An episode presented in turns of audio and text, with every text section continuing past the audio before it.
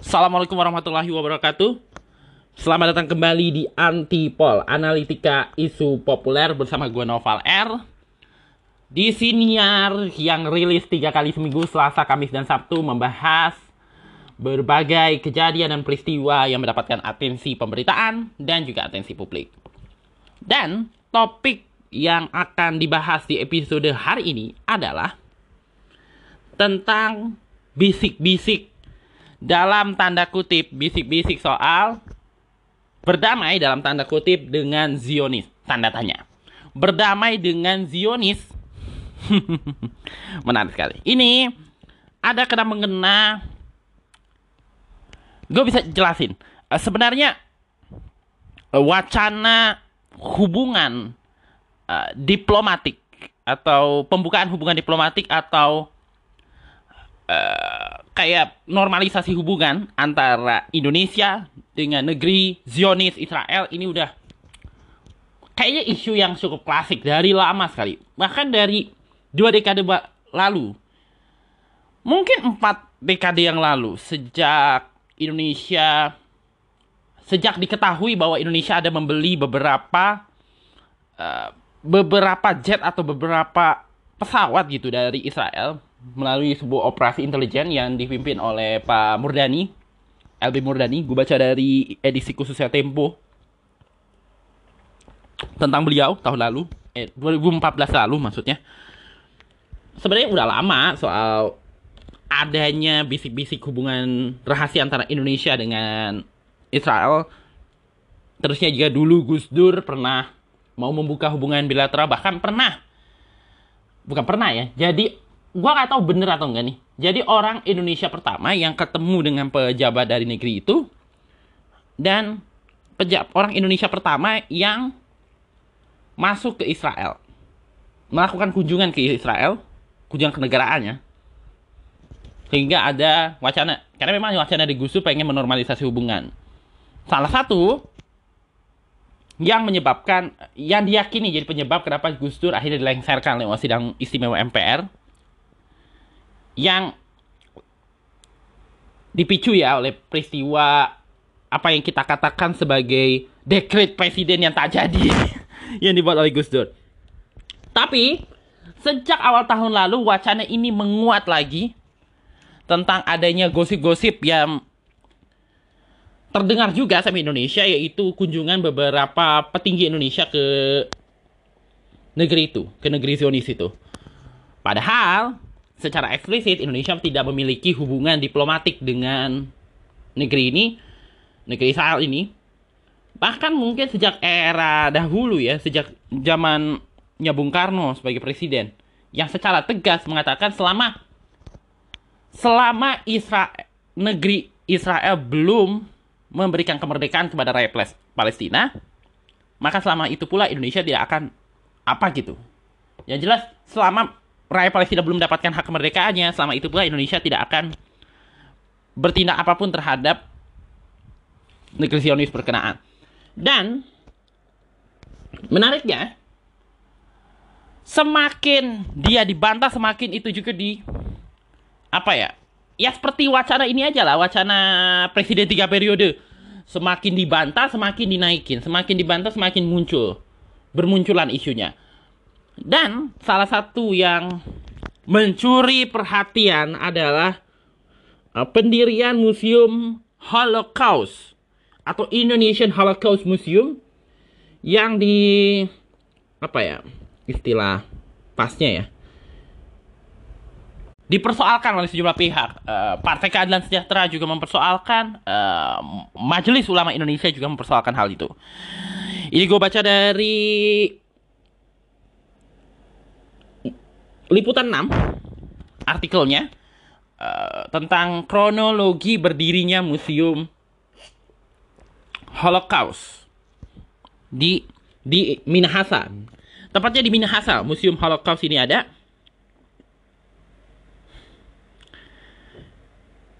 Jadi ini artikelnya uh, museum apa sih namanya nih museum kronologi bersih berdirinya museum Holocaust Yahudi di Minahasa. Jadi museumnya berada di Minahasa, Sulawesi Utara. Di sana memang ada komunitas kita bisa katakan masyarakat minoritas Yahudi lah di sana. Sempat juga ada foto waktu itu dibikin oleh teman-teman dari Sian Indonesia, fotografernya Sian Indonesia. Itu menang penghargaan di Anugerah Pewarta Foto Indonesia. Apa sih bahasanya? Kebinekaan uh, masyarakat Yahudi di Sulawesi Utara. Waktu itu judulnya. Itu pernah menang anugerah APFI waktu itu. Itu dia.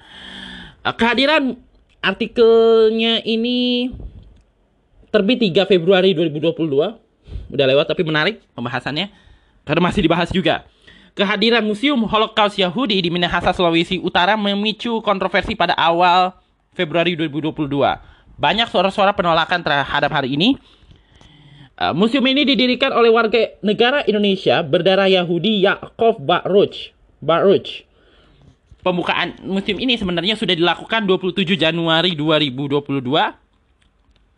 Dia berlokasi di Tondano, Minahasa. Letaknya di Sinagog Sa'ar Hasyamayim. Jadi ini museumnya menyatu dengan tempat ibadahnya teman-teman Yahudi uh, penganut Yahudi di sana. Namanya Sinagog Sa'ar Hasyamayim. Dia juga adalah museum Holocaust pertama di wilayah Asia Tenggara. Banyak yang hadir pada peresmian itu, mulai dari Bupati Minahasa, Roke Octavian Roring, hingga Duta Besar Jerman untuk Indonesia, Ina Lepel. Baruch puja, nah Baruch yang mendirikan museum ini ada dua alasan bikin museum ini. Kedua, alasan itu yaitu, pertama, dia ingin mengenang keluarga dari neneknya yang memang menjadi salah satu korban daripada pembantaian yang dilakukan oleh apa ya oleh rezim Nazi di Jerman. Seperti yang lu tahu, uh, satu ketika pada Perang Dunia Kedua, Nazi banyak melakukan invasi lah untuk menyat, meneguhkan pendiriannya terhadap ajaran fasisme yang di gue nggak tahu ajarannya apa. Yang jelas ajaran fasisme yang mengunggulkan ras dia gitu, ras asal dia. Waktu itu nama rasnya apa tapi gue lupa.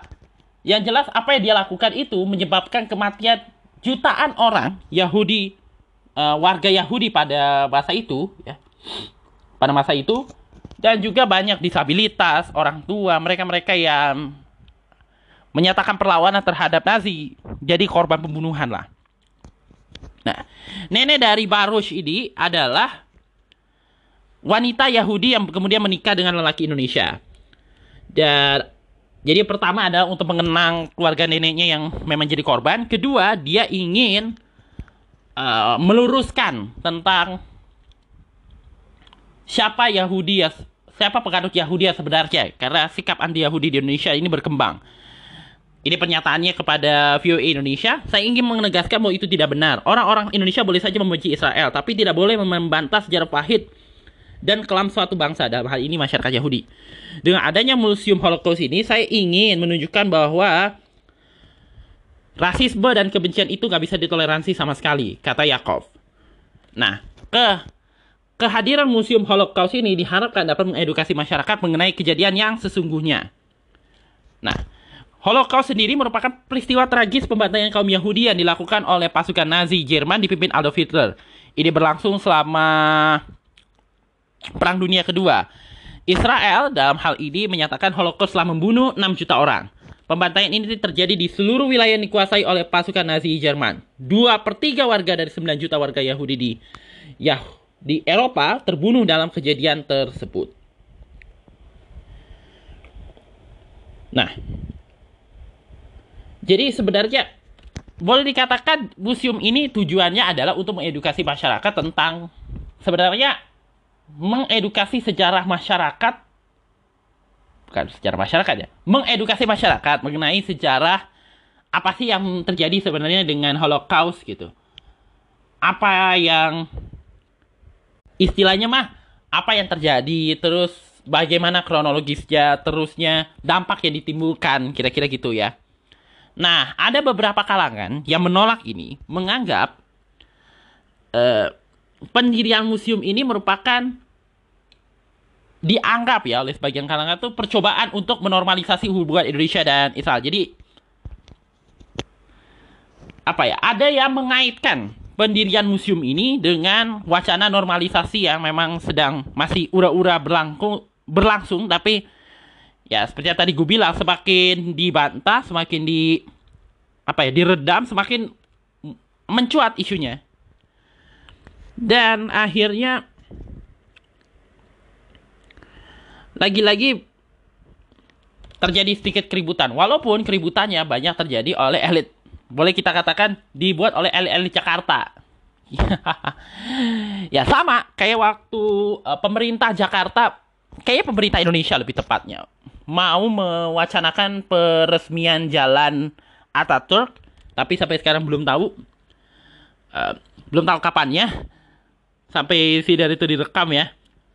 Waktu sama aja ya waktu Ataturk uh, jalan Ataturk mau dibangun dinamakan di Jakarta banyak sekali yang protes karena merasa Ataturk tuh mereka menganggap Ataturk tuh tidak layak dinamakan dinamakan sebagai nama jalan di wilayah Indonesia yang notabene sangat menghormat kebanyakan masyarakatnya muslim. Karena dianggap apa ya kebi sikap dan tindakannya Ataturk tuh tidak menurut pandangan mereka tidak patut diteladani gitu.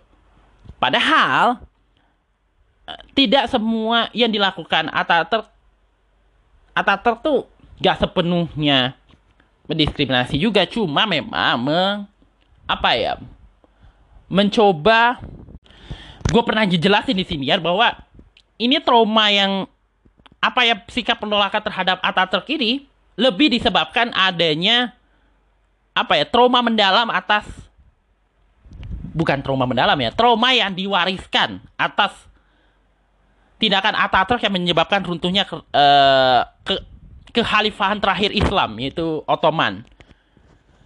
Dan lebih karena kerinduan terhadap adanya kekhalifahan Islam, Islam tersebut sehingga muncullah penolakan itu. Padahal kan ini lebih karena masa orang uh, apa ya istilahnya ya? Orang tuh berhak tahu juga soal sejarah apa pun itu dari sisi putih maupun sisi hitam, dari sisi A maupun sisi B. Gak bisa terus-menerus publik disajikan sejarah berdasarkan versi yang udah dituliskan dalam buku dan sebagainya gitu kan. Maksudnya udah apa ya istilahnya? Yang diaturkan gitu istilahnya. Jadi contohnya gimana ya? Kamu harusnya kamu kalau mau pelajari sejarah sejarah yang udah di ini kan udah dipilihkan bukan sejarah yang kamu cari-cari segala macam. Nanti kamu pikiran tersesat dan segala macam. Dan sebagainya. Padahal kan dengan perkembangan teknologi ya sekarang ini publik juga berhak tahu tentang sejarah e, bangsanya sendiri yang dari sisi putih maupun hitam ataupun sejarah bangsa lain dari sisi putih maupun hitam. Itulah kenapa gue itulah kenapa kayak banyak banget akun-akun kayak Neo Historia uh, ada akun apa gitu. Yang jelas banyak banget akun sejarah bermunculan di Instagram. Termasuk juga merinding MVV MVV. Apalah itu yang sesekali juga menuliskan artikel-artikel sejarah juga tentang sejarah Indonesia dan dunia. Banyak banget dan itu cukup banyak banget yang ngikutin akun tersebut. Jadi sama kayak waktu orang beberapa pihak ini mempersoalkan soal Ataturk, penamaan jalan Ataturk di Jakarta, orang-orang ini adalah orang yang sama yang mempersoalkan juga masalah Museum Holocaust ini karena dianggap tidak sejalan dengan garis perjuangan mereka, kira-kira gitu. Tetapi mau justru semakin uh, orang mempersoalkan ini, semakin orang juga penasaran dengan museum ini. Jadi semakin uh, kecaman data, pers, uh, penolakan data semakin ditolak orang ja, terutama warga di Sulawesi Utara ya, jadi penasaran dengan musim ini.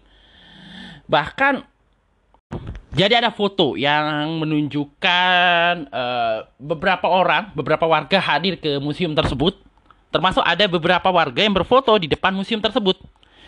Nah, jadi semakin kontroversi itu menaik, malah bikin nama museumnya jadi naik gitu. Aneh tau nggak? Bahkan, bahkan jangankan itu. uh, ketua MUI Sulawesi Utara nya sendiri pun juga mengatakan dirinya bahkan tidak mempermasalahkan museum tersebut karena uh, ini gue lagi buka artikelnya ini dari detik.com sendiri uh, dia mengatakan sebentar ya dia memang mengatakan bahwa kalau memang untuk untuk kepentingan masyarakat supaya masa sejarah masa kelam yang lalu tidak terjadi bagi uh, bagi generasi yang akan datang dan akan sekarang akan datang kenapa tidak? Kan salah satu edukasi supaya masyarakat bisa tahu bagaimana di zaman Nazi dulu. Ini menurut pernyataan wartawan pernyataan beliau di hadapan wartawan sebagaimana dikutip oleh Detik. Jadi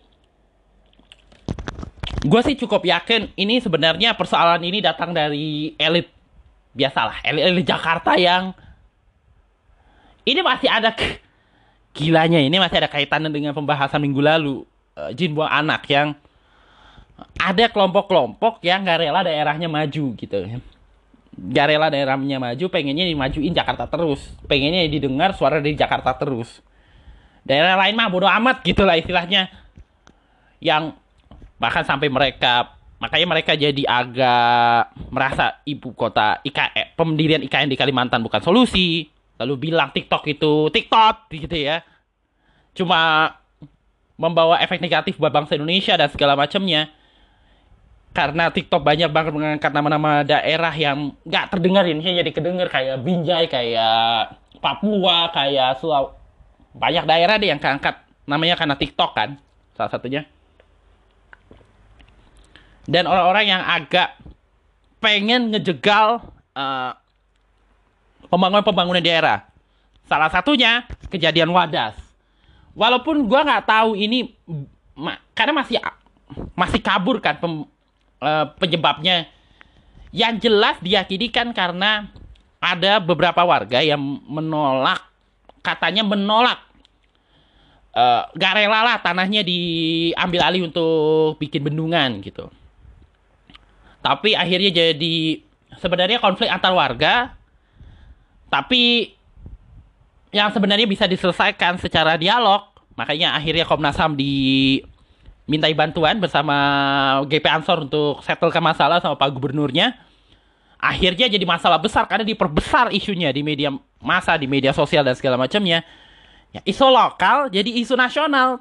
Meledak jadi isu nasional karena diperbesar. Terutama oleh elit-elit yang gak seneng dengan kemajuan satu daerah. Itu satu sisi, itu satu sisi.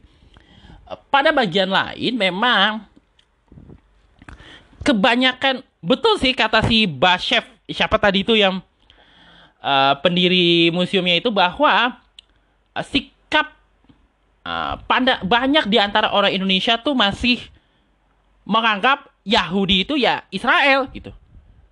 Bahkan dulu tuh ngomong masalah Israel dulu tuh Israel itu adalah kalimat yang paling sering digunain teman-teman gue untuk ngerisak gue itu jadi masih SD itu tapi lambat laun gue gue mikir juga kayaknya mereka aneh deh. Jadi uh, masyarakat itu kan sebagian masyarakat Indonesia ya, walaupun tidak semuanya menganggap Yahudi itu Israel gitu. Terutama dari kelompok kelompok-kelompok Islam yang agak ekstrim gitu ya. Walaupun di kalangan yang nggak terlalu ekstrim, juga ada yang masih beranggapan seperti itu, tapi tidak banyak lah ya. Tapi ya kebanyakannya ini yang memang agak ekstrim, Islam yang agak keras lah, menganggap ya orang Yahudi orang Yahudi pasti mendukung Israel. Padahal tidak semua orang Yahudi sepakat dengan politik Zionisme yang dibangunkan oleh negeri itu, oleh negara itu. Contoh masyarakat Yahudi di Amerika Serikat, bahkan mereka ikut menentang pembangunan uh, berbagai tindakan-tindakan Israel yang dianggap mendiskriminasi warga Palestina. Dan bahkan kalau dipikir-pikir lagi, dulu tuh gue tuh paling ini banget lah isu Palestina Ka siapa pun yang mas dengerin siniar ini pasti inget deh. Ada. Kalau temen gue yang dengerin siniar ini pasti tahu. Gue tuh dulu sering banget uh, naro gambar-gambar yang berkaitan Palestina, Masjid Al-Aqsa, uh, lagi gambar-gambar uh, kayak graphic design gitu yang tentang Palestina yang di internet gitu di akun-akun media sosial gue di Facebook, di Twitter, di Instagram bahkan beberapa di akun lama gue masih ada itu anjingnya akun Twitter lama gue yang gue bahkan sampai sekarang nggak tahu.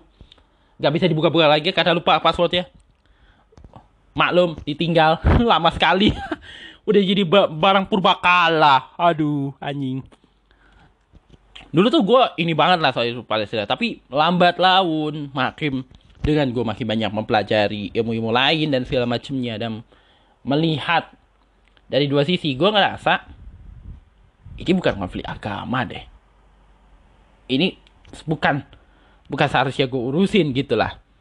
Ya maklum lah perkembangan usia. Zaman zaman masih tolol-tololan lah soal sosial media dan segala macamnya tapi makin gue memahami makin gue uh, mempelajari gue juga ngerasa gue dulu tolol ya soal isu-isu kayak gini gitu. Ada ya masih kayak gitu tapi gue gak tahu deh gue pun bingung tapi tingkatnya adalah uh, pandangan gue sejak setelah da dalam lima tahun terakhir ini pandangan gue terhadap konflik tentang apa yang terjadi sebenarnya antara Palestina dengan Israel itu udah berubah gitu. Dari gue berpikir seperti kebanyakan yang tentang iyalah konflik ini kan tentang apa ya udah terwarisi dari lama dari eranya nah, coba apa istilahnya tuh udah terwarisi dari kaum Bani Israel terhadap Nabi Musa.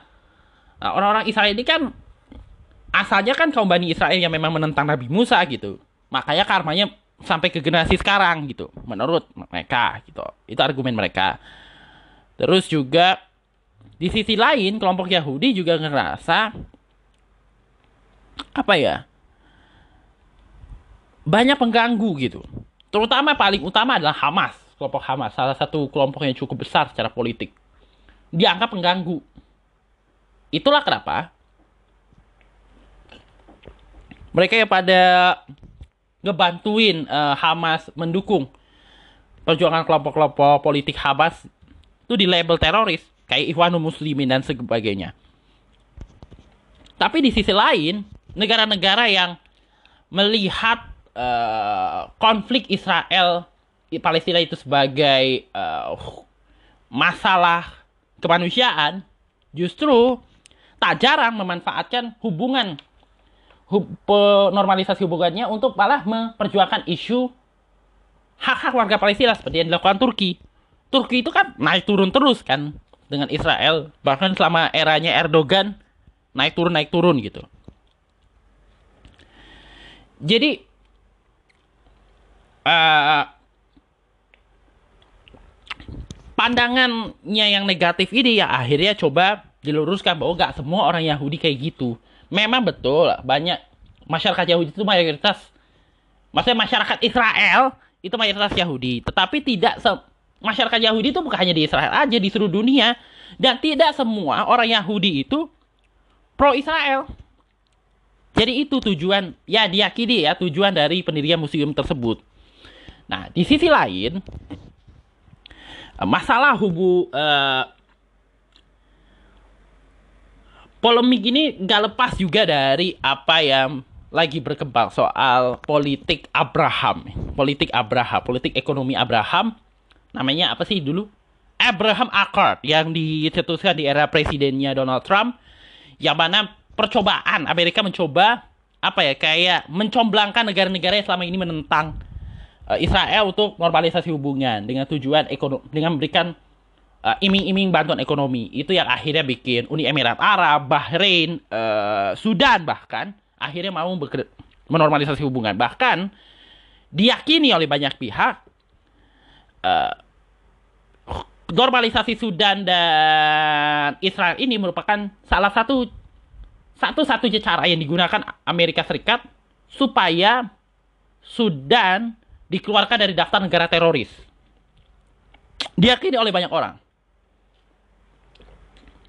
Termasuk juga Turki akhirnya normalisasi hubungan. Tapi lebih tepatnya bukan karena ekonomi, tapi lebih ke uh, memainkan perang strategis lah, strategis uh, ish strategik susah banget jelimet soalnya diplomatik strategik maksudnya jadi strategi diplomatik agar Turki punya peran lebih besar dalam menyelesaikan hubungan uh, masalah antara Palestina dan Israel yang udah menahun.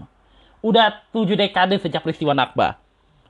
Bahkan lebih besar sejak perang Arab Israel di akhir 60-an. Jadi mereka ingin jadi penengah lah.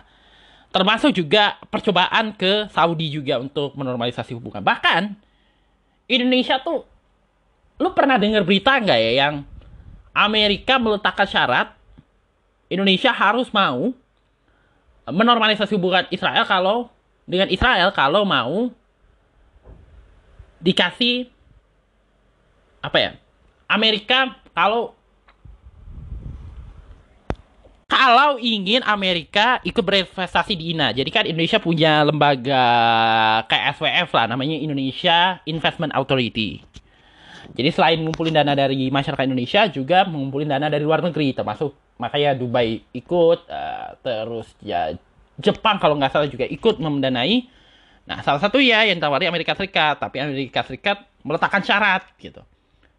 Indonesia harus ikut Abraham Accord gitu.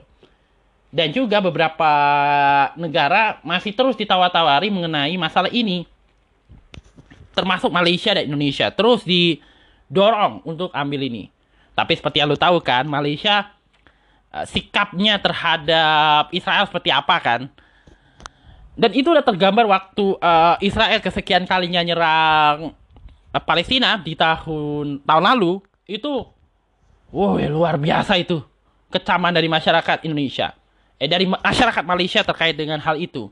Bahkan ada seorang artis, kebetulan uh, seniman, kebetulan gue ikutin Instagramnya di Instagram satu lagi yang pribadi itu menolak menjadi ambasador daripada satu produk fashion Dior karena mereka gara-gara mereka menarik kerjasama dengan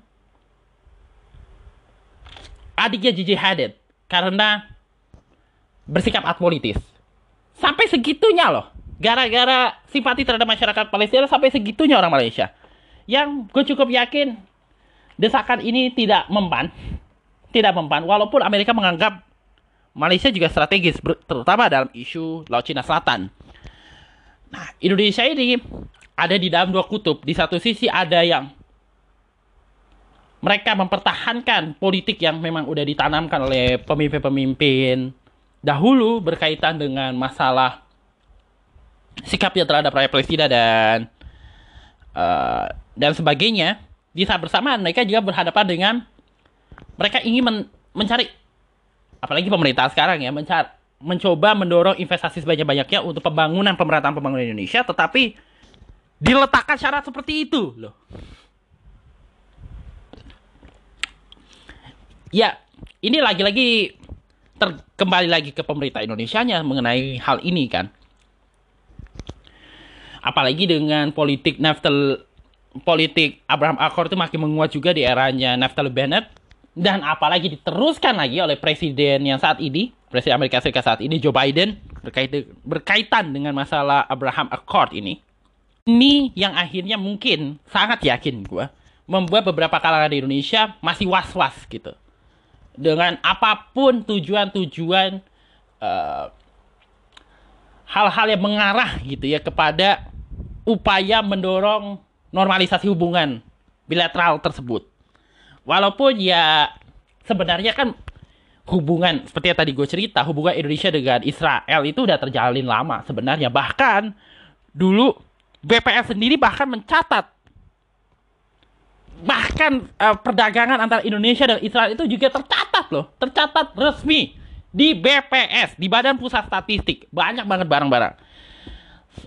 Termasuk juga ada satu sekolah ini sekolahnya Pak Luhut ya Pak Luhut Panjaitan di di Toba yang itu secara terang-terangan bekerja sama dengan Israel dengan salah satu perusahaan Israel untuk uh, memasok barang-barang untuk kebutuhan pengajaran di sana. Jadi sebenarnya hubungannya udah lama gitu. Tetapi orang nggak tahu aja soal ini. Jadi uh, menurut gua soal masalah uh, politik uh, yang berlaku tentang pembukaan musim Holocaust dan isu gimana ya cara ini ya? Gua akan ngejelasin dulu pendapat gue soal IHM.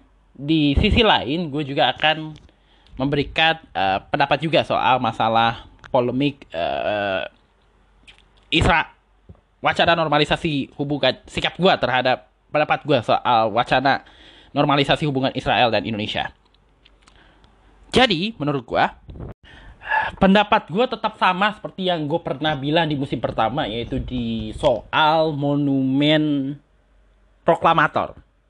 Dan episode uh, Kemal Atatürk di jalanan Jakarta, kalau lu masih inget, bahwa penting masyarakat dalam era uh, uh, komunikasi seperti sekarang kita nggak bisa ngehalangin masyarakat gitu untuk tahu sejarah apa yang berlaku sebenarnya. Kan selama ini kan kita tahu sejarah itu dari buku-buku pelajaran gitu. Padahal di buku-buku banyak juga buku-buku di toko buku dan segala sebagainya, buku-buku kayak biografi dan segala macamnya yang juga mengulas sejarah ya bahkan lebih lengkap. Lebih lengkap malah dari apa yang di buku pelajaran sejarah kita. Baik kebanyakannya sih SMA ya yang mempelajari sejarah Indonesia ya, Bo. Dan bahkan dari berbagai versi gitu. Jadi kita nggak bisa ngehalangin publik untuk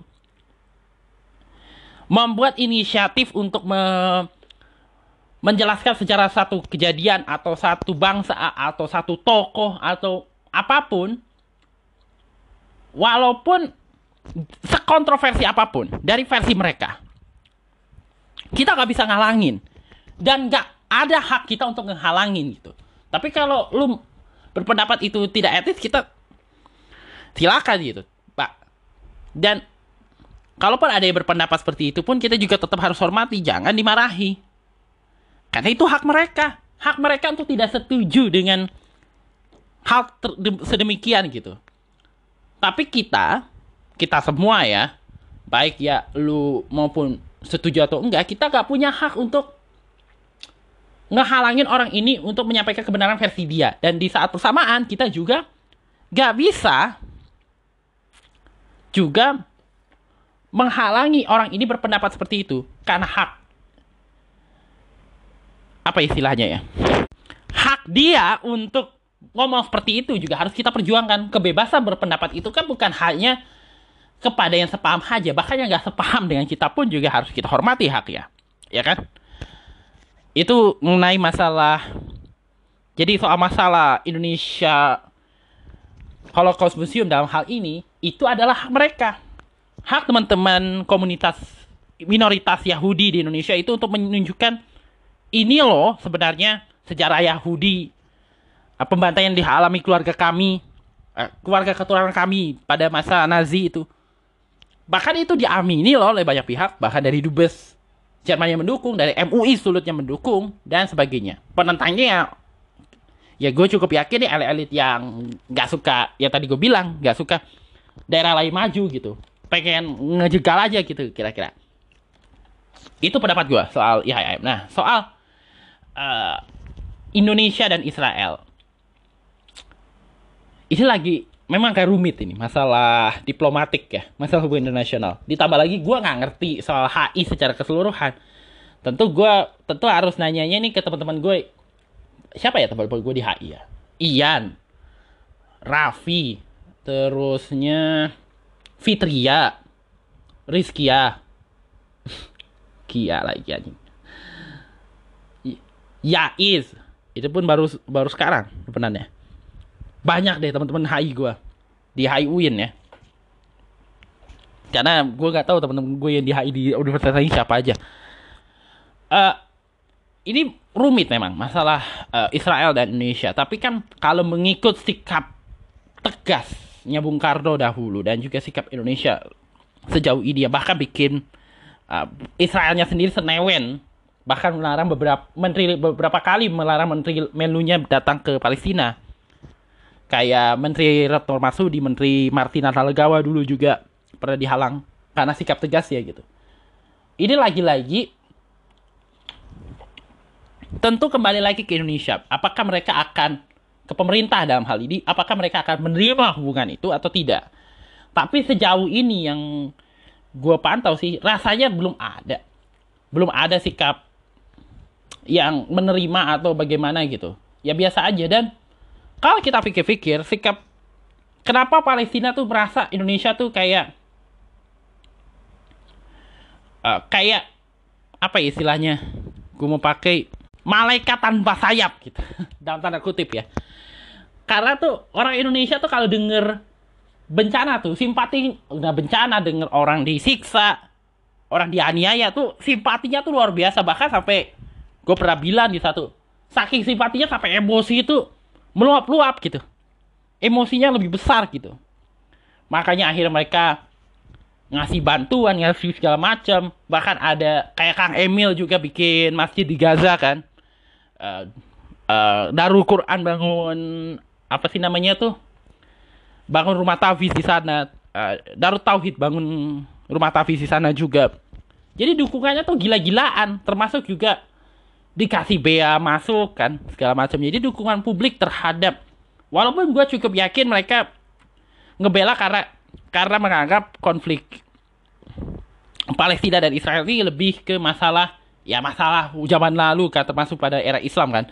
Tapi kalau dilihat lagi ini soal masalah konflik siapa yang berhak atas tanah itu kan. Sebenarnya Palestina dan Israel ini dan banyak yang meyakini ini lebih ya ini warisan daripada penjajahan Inggris karena kan biasanya di negara-negara penjajahan Inggris itu masalah ini jauh masalah politik ras dan segala macamnya memang gila-gilaan yang ditinggalkan oleh Inggris. Jadi penjajahan Belanda boleh jadi tidak meninggalkan masalah, penjajahan yang peninggalannya Inggris boleh jadi peninggalannya menimbulkan masalah baru ketika misalnya negara itu berdaulat dan sebagainya. Jadi ini memang rumit sih masalah Israel Indonesia ini.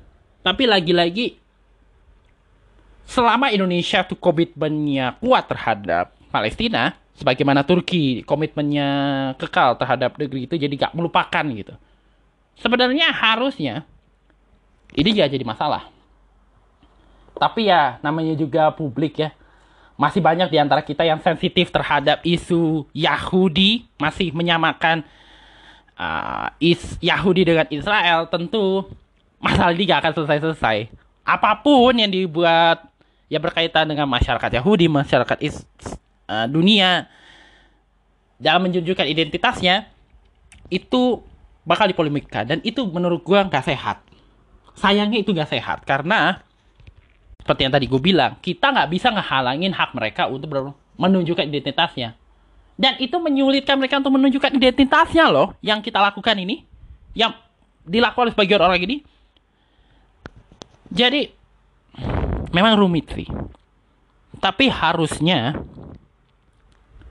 memahami sebelum membenci prinsip memahami sebelum membenci itu penting. Dan rumit deh memang isu ini memang rumit. Tapi gue berharap ada yang bisa kejelasin lebih bagus lagi dari gue. Saking rumitnya masalah ini. Jadi itulah perbahasan untuk episode hari ini. Perbahasannya sangat rumit, sangat panjang sekali. Ini mungkin terpanjang dari yang Gobot untuk siniar ini. Semoga ada yang bisa kejelasin lebih runtut lagi. Atau mungkin kalau ada kesempatan gue jelasin lebih runtut lagi insya Allah. Kita bertemu lagi di episode berikutnya. Sampai jumpa.